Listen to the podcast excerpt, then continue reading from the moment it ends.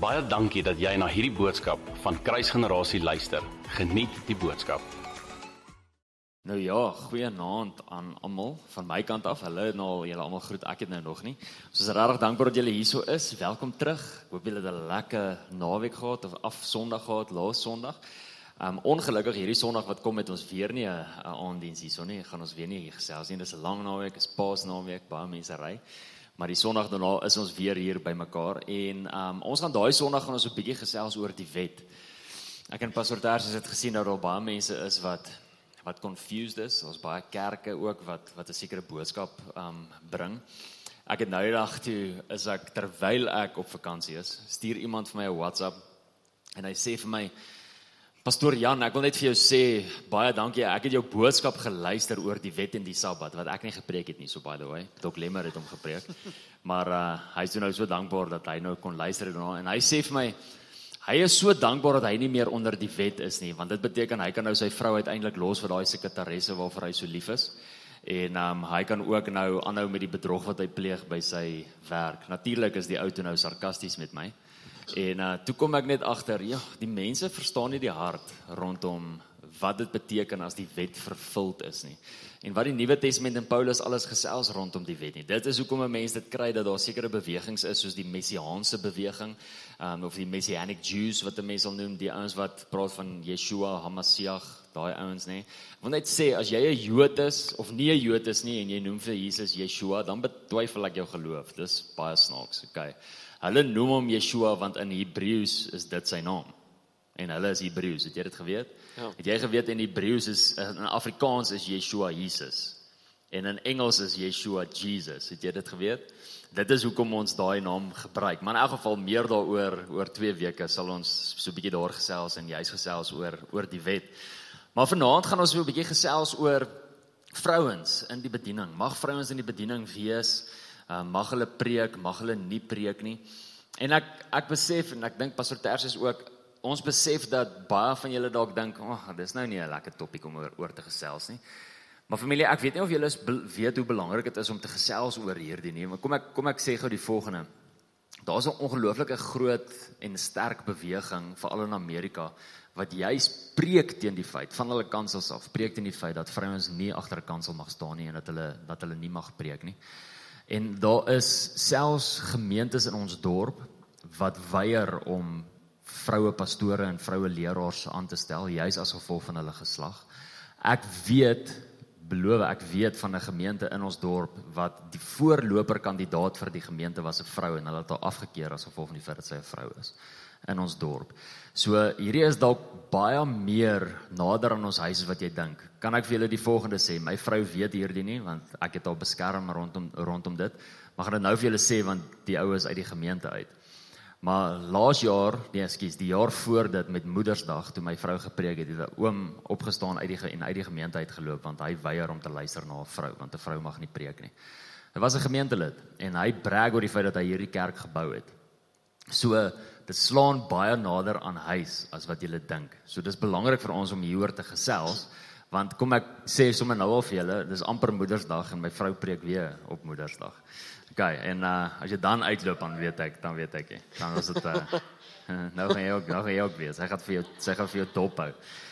OK, so um joh, daar's eintlik so baie wat ek wat ek wil sê. Ek is eintlik bang ek spring jou vooruit my boetie. Ek weet nie of jy iets het ter inleiding nie. Dalk moet jy gou iets ter inleiding gee dat ek kan koffie ingooi. Ja, ek dink doen OK, dit. doen dit. So so ja, ek ek wil net ek wil dalk hierdie ding sê rondom die belangrikheid van hierdie topik. Ek as daar 'n greintjie van twyfel in iemand se hart is, en spesifiek hoor my 'n vrou se hart is dat hierdie dalk so kan wees. Weet jy wat doen dit onmiddellik? Dit dit beroof haar onmiddellik van enige vrymoedigheid om die evangelie te verkondig en te wees wie God haar geroep het om te wees. En kan ek vir julle sê dat as ons dit doen dan dan is ons besig om helfte van die liggaam van Christus. Jy moet eintlik meer as helfte, want hulle reken ons meer vroulike jy weet dames wat volgers van Jesus is as mans. So jy's besig om meer as 50% van die liggaam te diskwalifiseer vir die bediening. Ek weet nie of julle dit besef nie, maar ons het al die hulp nodig wat ons kan kry. Uh, om die die taak wat Jesus vir ons gesit het, om die om die groot opdrag te vervul, het ons elk dit's all hands on deck. Daar's niemand wat uitgelaat kan wees nie. Ons het almal nodig. En die oomblik wanneer ons dit doen, is ons besig om die roepings, goddelike roepings wat God in plek gesit het, te deny, te kanselleer en ons is besig om die wêreld te beroof daarvan. Omdat ons net eenvoudig probleme het met iemand se geslag. En nou wil vir jou sê dit het niks te doen met die evangelie nie. Dit het niks te doen met iets wat Bybels is nie, inteendeel. Dis alles behalwe dit. So daar is natuurlik skrif wat gebruik word en ek dink ons sal dalk begin met dit. Daar is skrif wat gebruik word vir om dit te motiveer, om te sê dat luister vrouens hoort nie in die bediening nie, in spesifiek.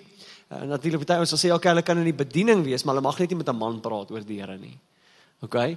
So en dan sal dan sal skrif wat hulle gebruik vir dit. So daar's twee spesifieke skrifgedeeltes waarna ek natuurlik dadelik dink. Die een is in in beide is uit Paulus se briewe uit. So ouens dink natuurlik dadelik dis hoekom Paulus nooit getroud was nie. Uh daar was allerlei weerleringe rondom dit ook natuurlik. En uh maar maar daar's twee spesifieke goed wat hy skryf. So ek weet nie kan ons daar begin sommer? Wat dink jy? Ja, kom ek kom ek sê dalk net gou die volgende. Ek dink julle het nou al in die laaste tyd met ons gesprekke nou al agtergekom en ons het vir julle gesê wat is ongelooflik belangrik die oomblik wanneer 'n mens kom by skrif uitleg. Wat is die eerste reël? Wat is die eerste reël? Konteks. Ja. Konteks is die eerste reël wanneer dit kom by by skrif uitleg. So die oomblik wanneer 'n mens gesels oor hierdie topik, dan het 'n mens te doen met biblisisme. Nou wat biblisisme is, is dit is om letterlik 'n skrif te vat en dit uit konteks uit te ruk en dit te pas volgens my my opinie wat dan aanraak aan pragmatisme. So pragmatisme is ek het 'n opinie en ek gaan soek skrif om my opinie te staaf. Dis wat pragmatisme is. So eintlik die oomblik wanneer ons te doen het met hierdie topics is ons het ons te doen met al twee hierdie goed. Ons het te doen met biblisisme en ons het te doen met pragmatisme. En die belangrike ding, ding om te verstaan is, Pastor Tersie het nou net gesê, daar's twee twee gedeeltes wat Paulus gebruik. Ons eintlik drie gedeeltes en en twee van die gedeeltes kom in 1 Korintiërs voor. Um en dan is daar 'n gedeelte gedeelte in 1 Timoteus. Maar die oomblik wanneer 'n mens na hierdie skrifgedeeltes kyk, moet 'n mens die hele konteks van die Bybel verstaan en in ag neem. En dan moet 'n mens ook gaan kyk na watser ander gedeeltes is daar in die skrif. Want onthou, die skrif komplementeer mekaar, die skrif yes. beklei nie teen mekaar nie. Yes. So dis die tweede reël van skrifuitleg. Is is daar 'n ander skrifgedeelte wat hierdie skrifgedeelte beamoen? Want as dit daar nie is nie, dan het jy rede om dit te betwyfel. Nou een van die goed wat hierdie ouens sal sê dadelik is ja daar is want ons het nou klaar vir jou drie skrifverse. Okay, so hulle sal sê ja daar is. Okay, en dit is waar die eerste uitleg, die eerste reël van skrifuitleg so belangrik is, is die konteks van wat alles hier gebeur. Kan ek gou vir julle kan ek gou vir julle 'n voorbeeld gee van hoe belangrik konteks is? Kan ek vir julle 'n voorbeeld gee? Mm. So daar as jy as jy die Afrikaanse Bybel voor jou het, die 33 vertaling, dan kan jy blaai na Jakobus 1 vers 7 toe. As jy nie het nie, is dit fyn. Kom ek lees gou vir jou wat staan in Jakobus 1 vers 7.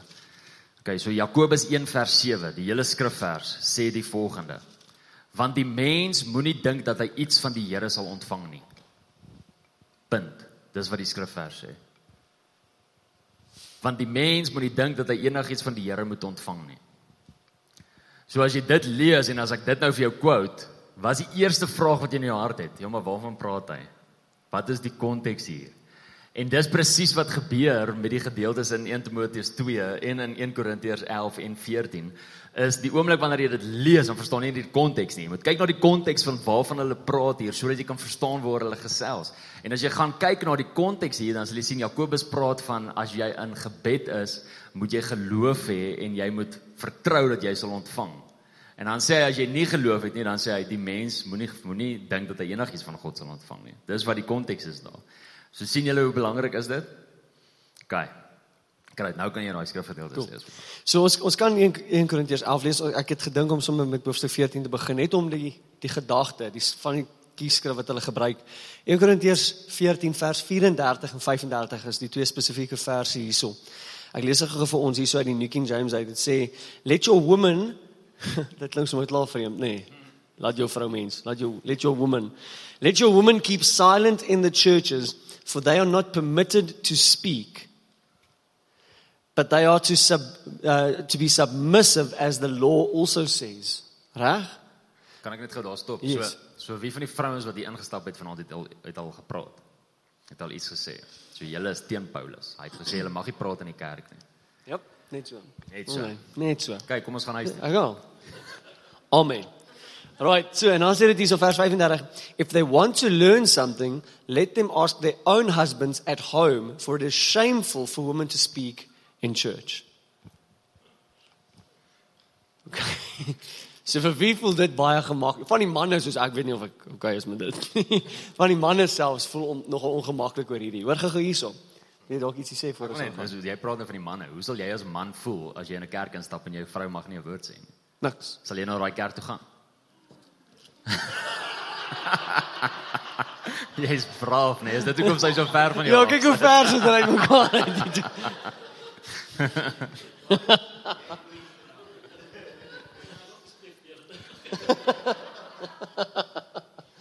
okay. Dan 1 Timoteus hoofstuk 2. Onthou, selfde man met hierdie brief skryf, het geskryf wat ons nou net gelees het. Uh dit sê hierso in hoofstuk 2 van vers 8 af. I I desire therefore that the men pray everywhere. Okay?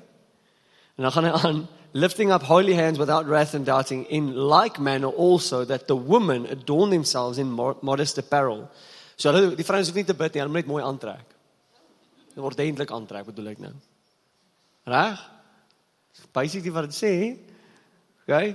In like manner, soos wat die mans bid, so moet die vrouens dit ordentlik aantrek asseblief. As jy dit net so gaan vat, dan gaan dit aan. uh, adorn themselves in modest apparel with propriety and moderation, not with braided hair or gold or pearls or costly clothing. Whoops. okay. But, verse 11, but which is proper for men professing godliness with good works. Let a woman learn in silence with all submission. Klink presies soos wat ons net gelees het in 1 Korintiërs? Nee. Dan gaan dit hierso. Ek gaan sommer net vers 12 ook net lees. Gaan nie verder as dit gaan nie. And I do not permit a woman to teach or to have authority over a man, but to be in silence. Hierdie spesifieke vers, daai spesifieke vers word baie keer gebruik om te sê so die man mag nie of die vrou mag nie 'n man leer nie. Net 'n vinnige vraag. Wie se maat hom geleer om sy skoene vas te maak? OK, as jy dit so letterlik wil opneem, dan sien nie ons veronderstel om jou dit te leer nie. Sy is nie veronderstel om jou enigiets te leer nie. Ons dit so so prakties wil maak, so direk uit die skrif uit wil haal. Jou oorgee moet daar. Ja, so as jy kyk na 1 Korintiërs 14, kom ons kom ons antwoord net gou 1 Korintiërs 14 en dan ehm um, praat ons oor die konteks van van wat daar gebeur. So 1 Korintiërs 14 het Tersius nou net gelees. maar hulle gebruik ook vir al die ouens wat hierdie punt staaf, gebruik ook 1 Korintiërs 11 vers 5. Kom ek lees vir gou vir julle wat wat daar staan. Um, Paulus sê, hy skryf aan die gemeente en hy sê But every woman who prays or prophesies with her head uncovered dishonors her head, for that is one and the same as if her head were shaved. So, wil net gou die volgende sê. Klink dit nie vir julle bietjie dubbelsinnig, dubbelsinnig nie? Want want hoor gou hier, hier sê Paulus as 'n vrou bid of profeteer. OK, maar in 1 Korintiërs 14 sê hy maar 'n vrou moet stil bly, mag nie praat nie. Is dit nie 'n bietjie dubbelsinnig nie? So net dit maak dat jy klaar kan kan question wat aangaan in 1 Korintiërs 14 en wat die konteks is van 1 Korintiërs 14. Want dis so belangrik om dit te weet. Kan ek gou kom ons verduidelik net gou 1 Korintiërs 11 want net nou kom ons vrouens volgende week hier aan met hoedens en gecover. So Yes. moet net nie 'n blou bloed dra nie, okay. So. Alright, so in die eerste plek as mens teruggaan na daai tyd toe en na daai kultuur toe, moet jy die volgende weet dat die die prostituie wat op straat gestaan het, het hulle hulle hulle coverings van hulle kop afgehaal om te sê dat hulle oop is vir besigheid vir die aand. Okay. So Paulus kom hier en hy sê vir hulle luister hier, julle gaan nie doen wat die prostituie op straat doen nie. Jy gaan nie maak hier staan en jou en jou kop en en dit afhaal en bid asof jy 'n prostituut is nie. Jy behoort aan iemand. Jy't 'n man. En jou man se naam is nou ewe skielik jou man is God. So die oomblik wanneer jy hier bid volgens daai kultuur, moet jy 'n hoed op hê, 'n covering, 'n covering op hê. Dit was nie eers 'n hoed nie, dit was 'n covering geweest. Okay, soos 'n prayer shawl of soos 'n serpie of soos 'n cloak of so ding wat hulle oor hulle koppe gesit het. ja, soos Hilda. Ja. So dis belangrik om te weet. Die konteks hier is die volgende dat in daai kultuur het die prostituie hulle av- availability gewys deur hulle head coverings af te haal. Right. En dis hoekom Paulus dit hier aanspreek in 1 Korintiërs 11. So asseblief vrouens, julle is welkom. Okay, want nie een ons is nie meer in daai kultuur nie. As ons in daai kultuur was, het dit beteken julle almal is available vanaand. Wat ons nie weet nie. Okay.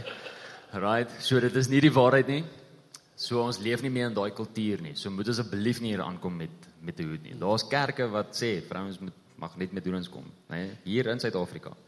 Right, maar hulle verstaan nie die konteks van wat daar aangegaan het nie. Dan in 1 Korintiërs 14, die konteks van wat daar van wat daar aangaan. Ons het nou net gesê 1 Korintiërs 11, die feit dat 'n vrou mag bid in 'n kerk en mag profeteer in 'n kerk, maar sy moet 'n covering op hê, maak klaar dat 'n mens question wat Paulus sê in 1 Korintiërs 14. Die oomblik as hy praat van dat hy nie wil hê vrouens moet praat nie, hulle moet zip, hulle moet stil bly, mag niks sê nie. Okay, want dis nie wat in 1 Korintiërs 11 praat nie. Wat is die konteks van 1 Korintiërs 14? Waar waarvan praat hy in 1 Korintiërs 14? Die hele 1 Korintiërs 14. Waaroor gaan dit? Weet julle? Die orde van die kerk. Ja. Dis waar dit gaan. Hy praat van die orde in die kerk. Hy hy spreek dit jy so aan want hierdie gemeente was so disorderly gewees Yes. in hoe hulle gehandel het en hoe die diens geloop het dat daar glad nie struktuur was nie en dit is hoekom Paulus hulle kom en hy en hy reprimand hulle. Hy sê vir hulle luister hierso God is 'n God van orde. So die oomblik wanneer julle saam bymekaar kom, maak seker dat daar orde is. En dit is hoekom hy hierdie gedeelte sê want in daai tyd was die vrouens het hulle uitgeskree en vra hardop uitgeskree terwyl die ou gepraat het. Nou dink gou by jouself. As iemand besig is om te om, om te preek en man of vrou skree klipharde vraag op dit wat die ou nou net gepreek het.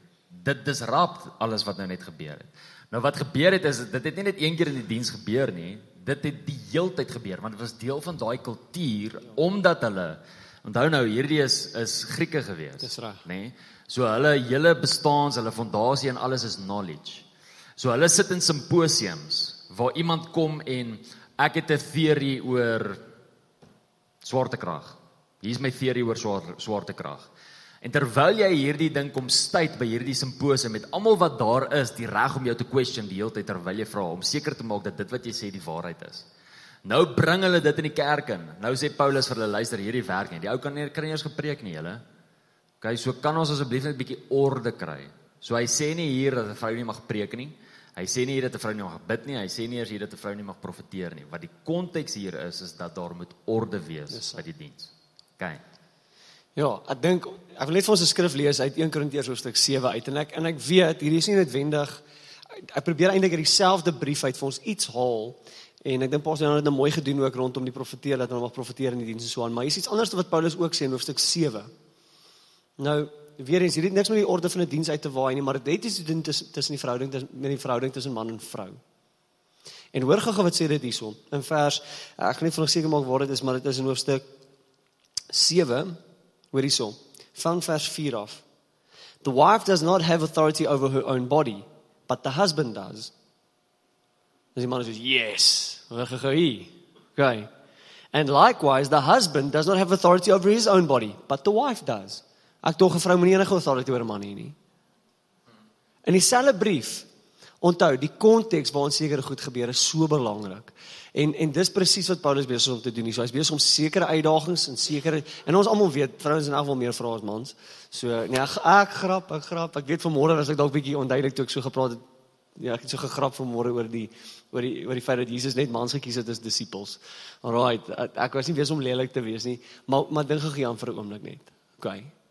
Jy spreek oor jy spreek 'n spesifieke kultuur aan. En ek wil dit duidelik maak vanaand dat as jy kyk na die Bybel dan besef jy die Bybel, God se woord, God se handeling met die mens het altyd 'n vrou hoër geag as wat die samelewing om hulle vrouens geag het. Nog altyd.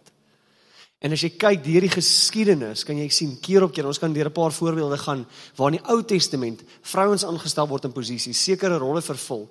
Ek praat van powerful rolle. Een van die een van die judges van Israel was 'n vrou gewees.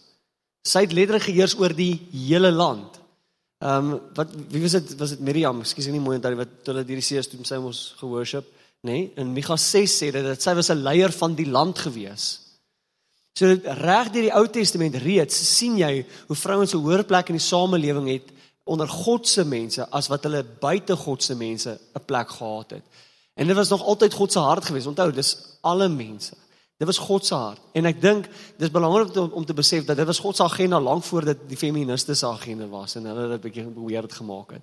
God het nog altyd vrouens gevalue. Nog altyd. Ek meen dink aan toe Adam alleen was toe maak hy vir 'n vrou. OK, bedoel dit nie snaaks nie? Soos Jenny, dink net daaraan vir 'n oomblik. Dis die maatjie en hy het gesê dis jou helper. Waar jy kort kom, gaan die ene jou help. Sy ek wil vir julle sê van die mees powerful lesse wat ek in my hele lewe geleer het, het ek op by my vrou geleer. Rarig. Ek sê dit nie net nie. Dink van die mans hierso vanaand kan sê ja, rarig. Ek het in my lewe tot 'n paar goed geleer. Ek kan ek vir ons 'n paar skrifverse gou voorhou net om net om ek dink hierdie hierdie gedagte want want ek dink wat belangrik is is soos Pastor Jan ook sê as jy iewers anders anders skrif lees As jy sien daar's 'n daar's 'n modellering van iets anders, daar's 'n ander tendens in die skrif, dan kan jy jouself die vraag afvra wat wat beteken dit dan? So ek wil gou-gou vir ons 'n paar voorbeelde gee. Ehm um, kom ons lees sommer, ek het so 'n hele lysie hierso so Kom ons maak dalk ons maak dalk so. Ek weet nie jy wil dalk nou net seker by Paulus se eie goed uitkom waar hy daarna verwys, maar kom ons maak dalk so. Ons begin so. Ehm um, Handelinge 4 vers 29 en 31. Reg? Nou hierdie is kort na die uitstorting van die Heilige Gees en so aan. Ons lees hierso. Now now Lord look on their threats. Dis hierso waar die apostels hulle bid sekere goeters. Uh, and grant your to your servants that with all boldness they may speak your word by stretching out your hand to heal and that signs and wonders may, may be done through the name of your holy servant Jesus. And when they had prayed, the whole place intending as jy gaan lees, ek dink is vers 28 wat sê hulle het na alle mense toe gegaan. So hulle na al die ander gelowiges toe gaan. Weet julle dat by dit ingesluit was vrouens? Weet julle in die boefretrek was vrouens? Weet julle dat in die boefretrek toe die Heilige Gees uitgestort is, gaan lees in Handelinge 2, toe praat almal in tale en toe verklaar hulle the great and mighty works of God. Vrouens. Hierso ook en hoor hierso, deel van dit wat gebid is hierso is deur vrouens gebid. So wat sê hulle? Saam met dit sê hulle that we might hoor hierso, may speak your word by stretching out your hand to heal.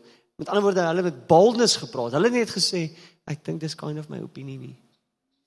Die vrouens selfs het met boldness hierdie gebed gebid en hulle het natuurlik geantwoord. Vinnige vraag, is met man servants? Nee.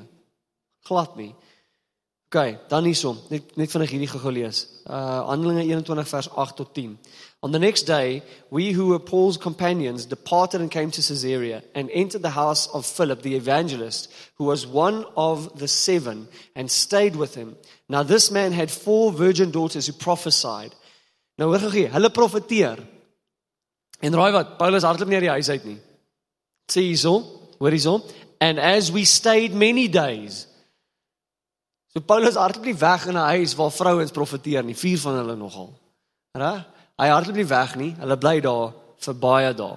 En toe 'n ander profeet met 'n weird naam Agabus came down from Judea en toe hulle gejoin. So kan julle sien hierso dat in Paulus se eie lewe selfs is daar hierdie gedagte. Hy het nie 'n probleem daarmee gehad dat 'n vrou vloei in die gawes nie. Hy het nie 'n probleem daarmee gehad natuurlik om dieselfde huis te bly as waar vrouens besig is om dalk te profeteer nie. Hy het geen probleem met dit gehad nie. Hy self het geen issue met dit gehad nie. Dalk nou nou een of twee ander skrifte rondom dit lees maar. Ja, dis mooi. So so kom ons gesels oor die die konteks van die gedeelte in Timoteus want mm. dit is eintlik die gedeelte wat hulle die sterkste aan aan gebruik as fondasie vir vir dit wat hulle glo. So kom ons lees net gou weer daar. 1 Timoteus 2 vers 11 tot 12 sê let a woman learn in silence with all submission and I do not permit a woman to teach or to have authority over a man but to be in silence. Okay, so kom ons gesels oor die konteks van wat hier aangaan. Eerstens die konteks is die is die, is die volgende. In Handelinge 19 lees ons van waar Paulus in 'n stad aan aankom met die naam van Efese. Hmm. En die oomblik toe hy in daai stad aankom, toe ontmoet hy mense wat besig is met heksery. Uh, in Engels witchcraft. Um hulle het ook daar in daai tyd het hulle 'n godin aanbid met die naam van Diana.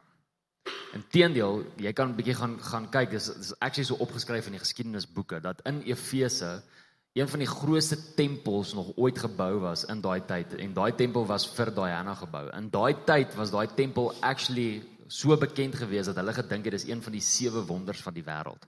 Dis hoe groot daai tempel was. So so die geloof in Diana en wat alles daar gebeur het was ongelooflik ongelooflik groot geweest. Reg deur daai daai hele stad.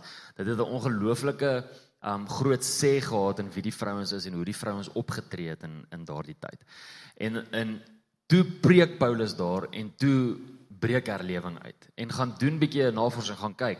Hulle het al daai boeke van heksery het hulle gebring en het al daai boeke ge, gebrand.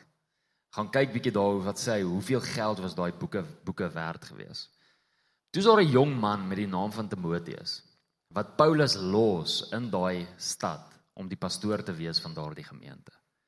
En nou skryf Paulus aan Timoteus hierdie brief en gaan lees in 1 Timoteus as jy gaan lees daaraan sal jy sal, sal jy sien dat hy praat daar van die mense in Efese. So Timoteus is in hierdie tyd is hy die pastoor van daai gemeente Efese Efese waar herlewing uitgebreek het. Dis dieselfde brief wat die boek van Efesiërs is dieselfde gemeente vir wie daai brief geskryf is. Dis ook dieselfde gemeente wie oor Johannes gepraat het in in Openbaring 2, Openbaring 3, daai hele gedeeltes waar Jesus met die gemeentes praat wat hulle eerste liefde verloor het. Ja. Selfde gemeente. Ja. En hier is Timoteus, hy's besig om hierdie gemeente te lei, maar hy het 'n probleem want in daardie gemeente is daar vrouens wat ongelooflik sterk is in die gees. Familie, as jy 'n studie gaan doen en as jy gaan kyk, mense wat wat te doen gehad het met satanisme of mense wat te doen gehad het met heksery, verstaan iets van die bonatuurlike bo wat ons verstaan. OK. So nou is daar herlewing in daardie in in daardie stad. Daar's ongelooflik baie wonderwerke wat wat daar plaasvind. En baie van daai wonderwerke en goed gebeur deur die vrouens. Want hulle is die ouens wat die vrouens wat in heksery betrokke was. So hulle verstaan die geestelike kant. Maar nou kom hulle na die wonderwerke, maar hulle teologie is nog nie goed nie. Ja. So die probleem is is hulle doen 'n wonderwerk, hulle bid vir iemand wat siek is en hierdie persoon word gesond, maar nou probeer hulle leer oor hoe om te bid vir iemand wat siek is en in dit kom daar baie van die leer van heksery deur want dit is hulle fondasie. En wat toe nou gebeur is is baie van die mense in die gemeente het begin confused raak. Want hoe kan dit so wees? Hoe kan daar hierdie invloed wees van hierdie kant af om juis hierdie goeders te kan sien? Ja. Hoe kan hierdie goed inmeng in die in die finished work of the cross? Verstaan julle? En dit is hoekom Paulus kom en vir Timoteus sê, Timoteus moenie laat hierdie vrouens preek nie. Want hulle is besig om die teologie en die doktrine van jou gemeente heeltemal om om te krap, heeltemal deurmekaar te krap. So sy hart is eintlik om 'n pad saam met hulle te stap om hulle te disciple om toe te laat dat hierdie vrouens se teologie regkom sodat hulle dan kan preek. Maar nou kom hy en hy sê, I do not permit them to teach. Moenie laat hulle teach nie. Hoekom moet hulle nie teach nie? Want as hulle gaan teach, gaan hulle hulle fondasie en hulle weergawe van hoe hierdie supernatural goeders werk. Dit is wat hulle die mense gaan leer yes. en dit is nie hoe die gospel werk nie. En dit is die konteks van wat van wat hier aangaan. Verstaan julle dit? So sê Paulus hier die oomblik wanneer hy dit sê, sê hy dit in die algemeen dat vrouens nie mag preek nie, dat vrouens nie toegelaat is om te preek nie. Nee. Maar in die konteks van daardie gemeente en in die konteks van wat gebeur het in daardie gemeente, is dit juis hoekom Paulus dit sê vir daardie gemeente en vir Timoteus om seker te maak dat hierdie persoon nie preek nie. Ek wil vir jou sê dat as dit die mans was wat hierdie goed kwyt geraak het, sou Paulus gesê het, I do not permit a man to teach. Ja. Beloof jy dit? Hy sou dit gesê het. Maar in hierdie geval was dit die vrouens gewees want dit was juis die vrouens wat aan hierdie geloof vasgehou het van hierdie godin met die naam van Diana. Okay, Felicie sê dit dan. Ja, ek dink wat ek wil graag verwys na en ek dink dit is so belangrik om te verstaan weer eens die konteks van 'n spesifieke brief van 'n spesifieke gemeente en onthou uh, die die brief van Efesiërs, jy sal sien dis geskryf aan 'n gemeente Die brief van brief van Timoteus is aan Timoteus persoonlik geskryf. Dit was nie vir public reading gewees nie, dit was vir hom om hom te help om te om hom te guide hoe om hierdie gemeente te lei. En ek kan vir julle nou sê, as daai issue opge, opgeklaar was die probleem is opgelos, sou Paulus hom onmiddellik ander tipe raad gegee het. En as ding is belangrik te verstaan, hy skryf hierdie vir 'n individu wat 'n baie spesifieke uitdaging moet navigate, wat moet sin maak van 'n klomp goed wat dalk nie noodwendig is waar Paulus in sy journey is en so hy help sy geestelike seun om sin te maak van 'n baie moeilike uitdaging. En ek wil vir ons hierdie lees net om te wys dat in Paulus se eie lewe spesifiek is daar geen issues rondom dit nie. Ek wil dit gou vir ons lees hierso. Romeine hoofstuk 16 is welkom om jou Bybel oop te maak daarso. En en Paulus noem eintlik 'n paar vrouens in hierdie gedeelte. Ja, 10. So ek gaan ek gaan net van so 2 of 3 van hulle praat, maar hoor gou hierso. Want hier's hier's so twee of drie wat, wat ek dink is baie sterk deurkom jy kom agter okay. Hierdie was nie net mense wat hulle self, jy weet, Christene genoem het en hy het lief geraak vir hulle sissies in die Here nie. Dis dis mense wat letterlik bedienings gehad het, sterk bedienings gehad het. Hoor, en ek gaan een van hulle gaan ek vir ons uitlig uit die hoofstuk uh, uit hoofstuk 18 van Handelinge. Maar kom ons lees eers hierso. I commend to you our sister Phoebe. Hoor hierso, 'n deacon. Sy's 'n diaken. Hoe vroulike diakens het jy al gesien? Ek wil jou net vinnig vra in jou lewe. OK? Hulle skaars baie skaars. Hierso sê hy die eerste een wat hy commend, I commend to you our sister Phoebe, a deacon. Die van julle wat nie weet nie, uh, 'n uh, deacon het 'n sekere verantwoordelikheid veral in hierdie tyd in die kerk se lewe gehad. Vandag is die rol nie noodwendig wat dit was jare terug nie en en vandag noem ons uh, die mense wat daai rol het dalk iets anderste. Maar as leiers in die gemeente, is mense wat bedien is, mense wat betrokke is. So hy noem haar 'n deacon. Sy's iemand wat die woord kan verkondig, want onthou dis een van die kwalifikasies natuurlik vir jou. So jy moet die woord kan verkondig, jy's veronderstel om te kan teach, jy's veronderstel om 'n heilige rein pad te leef. Jy's so Phoebe, net sodat jy weet, is 'n vrou. OK. So as jy nie seker was nie, Phoebe is 'n vrou. En sy's 'n diaken, sy's 'n deacon in die kerk okay, of the church in dan sit 'n vreemde naam. I ask you to, to receive her in the Lord in a way worthy of his people and is so, is so, and give her any help she may need from you. Julle gaan haar serve. Hallo? Dis nogal interessant nie waar nie? Dis dieselfde Paulus wat die ander twee briewe geskryf het. Dit lyk vir my so. Lyk vir my so. Hy sê hierso, ehm um, for she has been the benefactor of many people including me. En dan sê hy so greet Priscilla and Aquila my co-workers in Christ Jesus. Wag, wag, wag. Okay. Vir die van julle wat nie weet nie, hierdie is 'n man en vrou. Hulle is getroud. Priscilla en Aquila is getroud. Nou ek het al gehoor dat iemand hierdie stelling maak. Ek weet nie of ek heeltemal daarvoor gaan nie, maar ek gaan dit dalk net met julle share. Ehm um, waar jy lees dat Paulus en Barnabas saam teach. Dan sien jy altyd dat Paulus se naam word eerste genoem omdat hy die main speaker was. En so party ouens sal dit nou weer eens is 'n bietjie van 'n stretch, maar ek dink daar is tog 'n sense of value daarin. Want onthou, in die algemene kultuur sê jy definitief nie die vrou voor 'n man genoem het nie. En Paulus doen dit deliberately hierso. Hy noem die vrou eerste. Priscilla en Aquila. Aquila klink vandag vir my ook soos 'n vrou se naam, maar ja.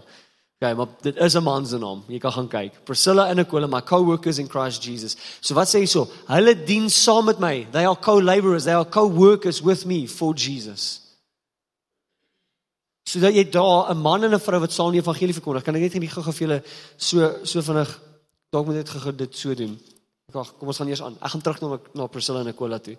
Ek, ek ons kan aangaan hier so dit sê they risk their lives for me, not only I but all the churches of the Gentiles are grateful to them. Nie net vir die man nie, maar vir die vrou ook. Hoekom? Want sy was ook 'n minister. Ek wil aangaan hierso. Is een spesifieke een wat ek vir ons wil lees. Ehm um, hierso onder jy kan vers 12 lees. Hier is nog twee. Those women who work hard in the Lord. So hulle werk vir die Here. Uh, dit gaan aan hierso. Greet my dear friend Persis, another woman who has worked very hard in the Lord. Hier is die hele lys van vrouens wat jy keer op keer. Ek het nou eintlik dink verby die enetjie gegaan wat 'n uh, kerk in haar huis het. Nou, net vandat hom uitkom. Was dit nou Priscilla en Aquila? Nee, dit was nie. Ek nou het ek dit gemis.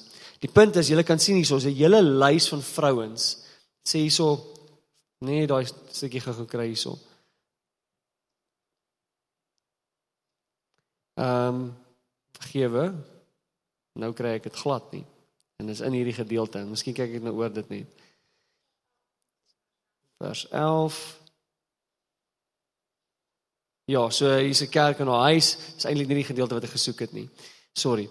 Daar's 'n gedeelte ek sal dit nou net gou vir ons kry. Die punt is hier's nog 'n vrou wat hy kom en hy sê so she, she is esteemed among the apostles sê dit in hierdie gedeelte. Dalk sien jy dit raak, ek weet nie, maar ek weet dis hierso. So die punt is hierso, nog 'n vrou wat en sy sy het 'n reputasie onder die apostels vir haar werk in die Here. Gou gou vir my hoofstuk 18 toe van van die boek van Handelinge asseblief. Ek wil vir ons gou ietsie so lees. Onthou Priscilla en Aquila het ek net gepraat van man en vrou. Kyk wat doen hulle met 'n jong man. Vers 6 en 7. Ja, hoe het ek dit nou gemis? Daar's hy. Dis 100% greet Mary who worked very hard for you. Uh en dan gaan dit hierso aanskies ja, en dan vers 7 greet and greet Andronicus and Junior, my fellow Jews who have been in prison with me. They are out, outstanding among the apostles and they were in Christ before I was.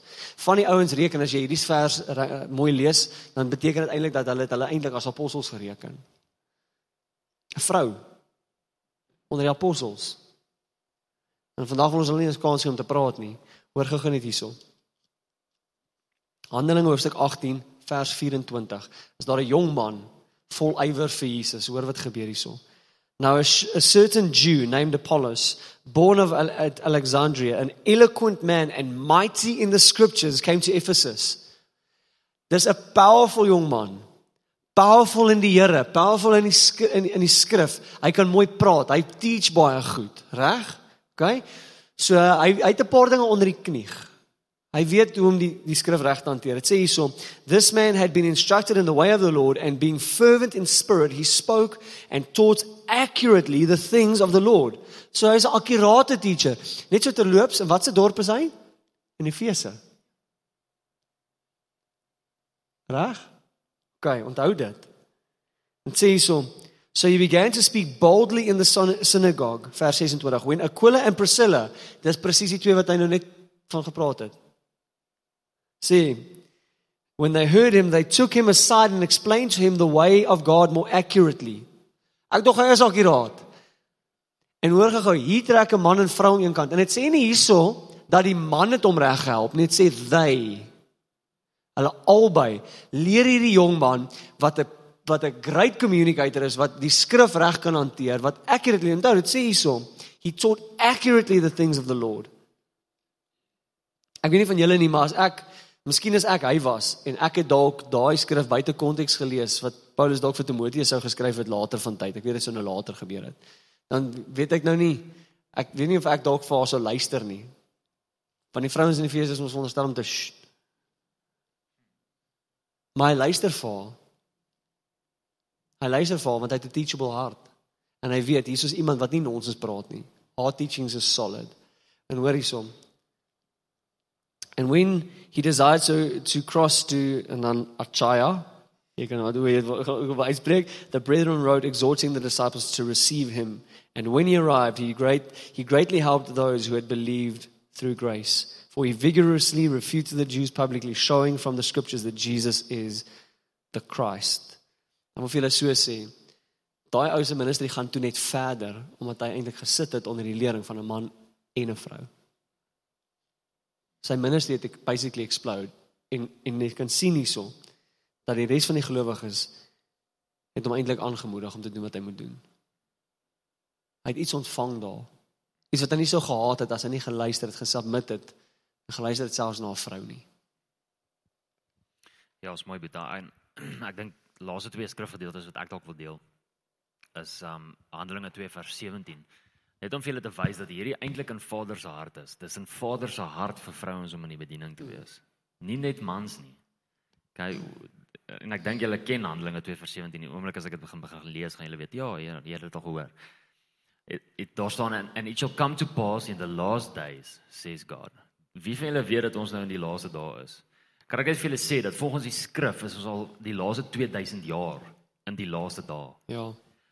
Die apostels het in Handelinge gekom en al gepraat van die feit dat hulle in die laaste dae is. Ons is in die laaste dae. En hierdie is is wat hulle sê in the last days says God that I will pour out my spirit on all flesh. Your sons and your daughters shall prophesy. Your sons and your daughters shall prophesy. Nou as God hierdie geprofeteer het, as hierdie op God se hart is, hoe op dese aarde is dit moontlik dat God sê hy sal sy gees uitstort op seuns en op dogters en albei sal profeteer, maar skus, dogters, julle moet stil bly in die kerk.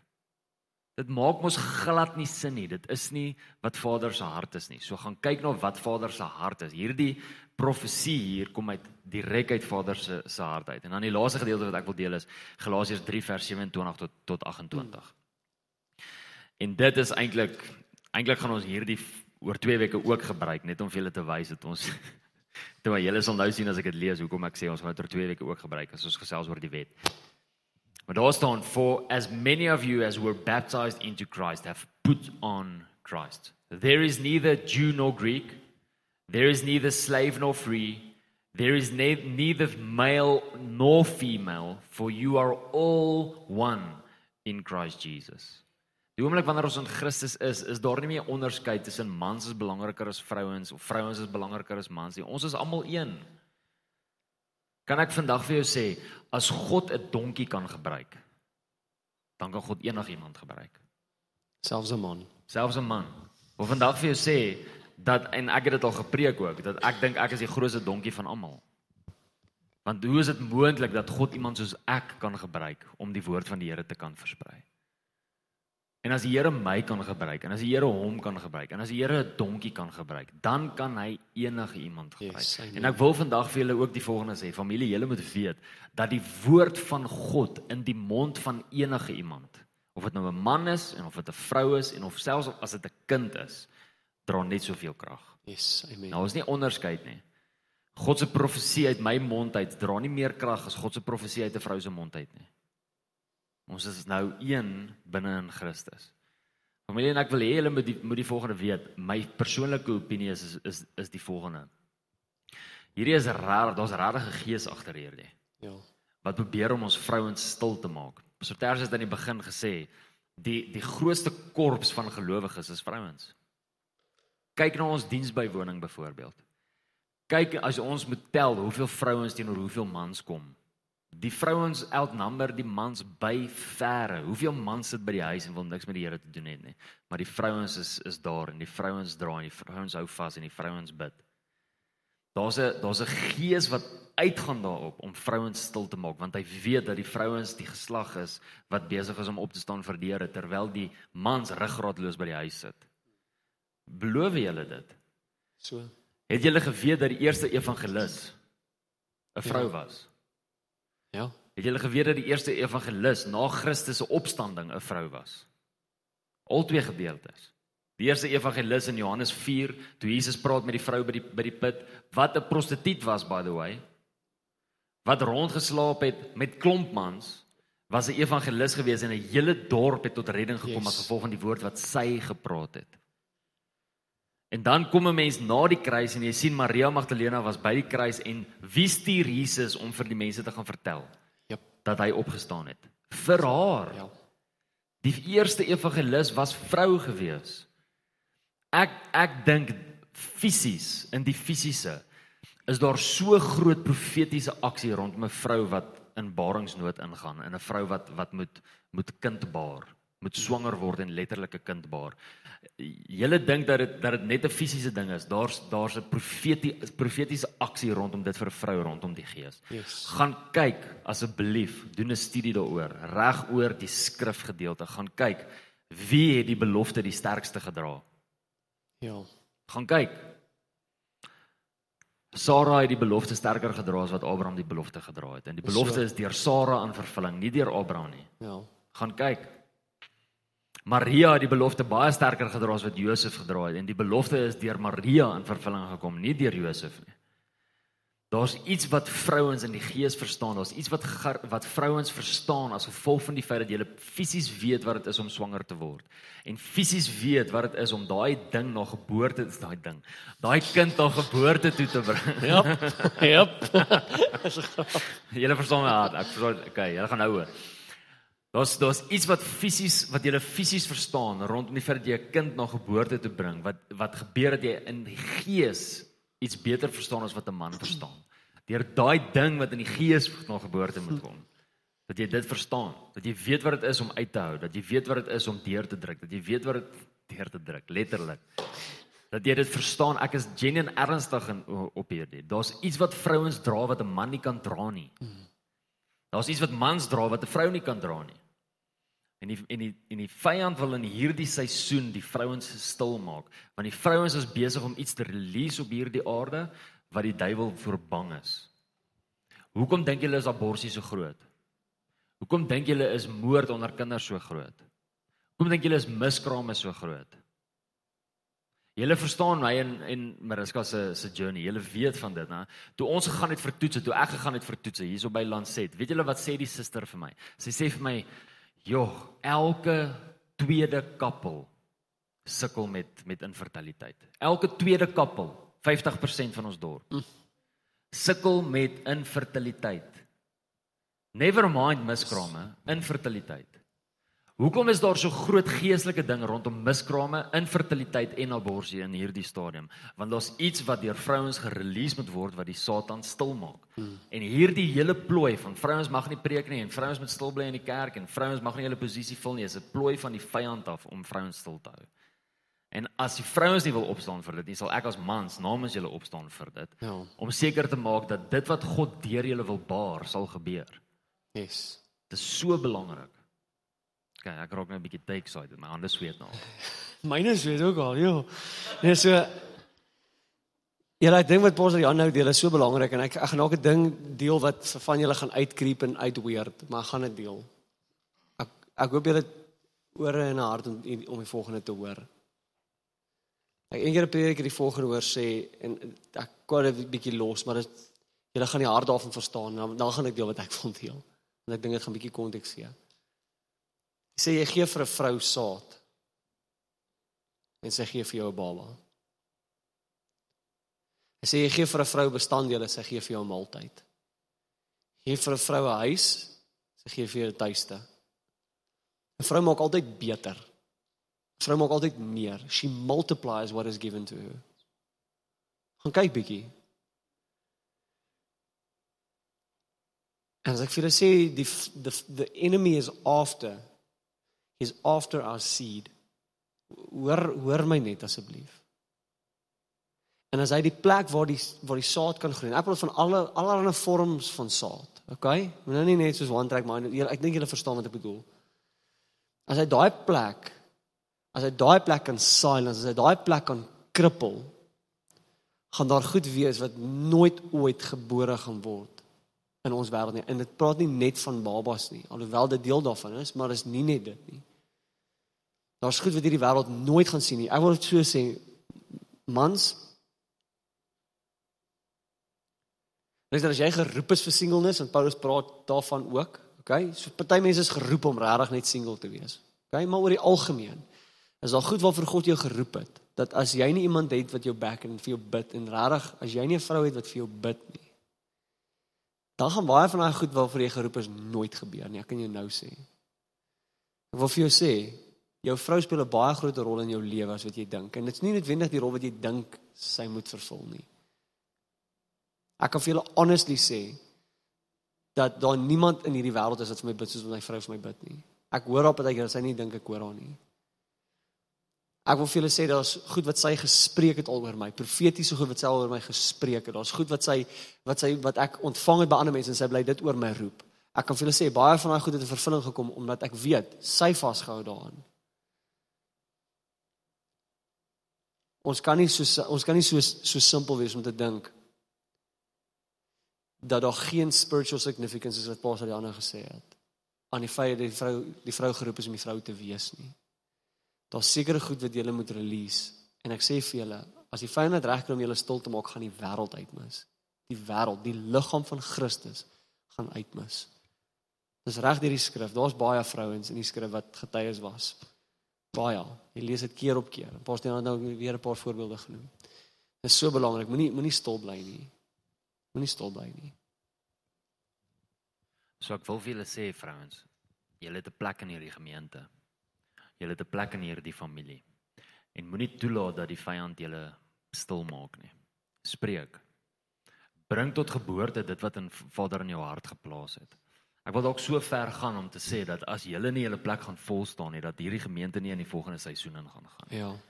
Ons as 'n familie het julle nodig. Ons het van nodig dit wat julle carry. Ons het so nodig hard. dit wat God deur julle wil wil doen. So staan op. Staan jou plek vol. Moenie toelaat dat enige iemand jou stil maak nie. En weet dat ons as pastors vir julle beklei. Ja. En dat ons as pastors namens julle sal opstaan en seker te maak dat daar nie mense sal wees in hierdie gemeenskap selfs wat julle sal stil maak nie. Spreek die woord van die Here. Dit wat God vir jou gee, daai droom wat jy het, daai passie wat jy het, daai ding wat jy wil najag, daai begeerte wat hy in jou hart geplaas het, maak seker dat jy dit in vervulling bring. Moenie moeg word nie. Moenie ophou nie. Druk deur. Jy weet wat dit is om uithou vermoë te hê. OK. Baie dankie dat jy na hierdie podcast geluister het. Indien jy die boodskap geniet het, deel hom asseblief met jou vriende.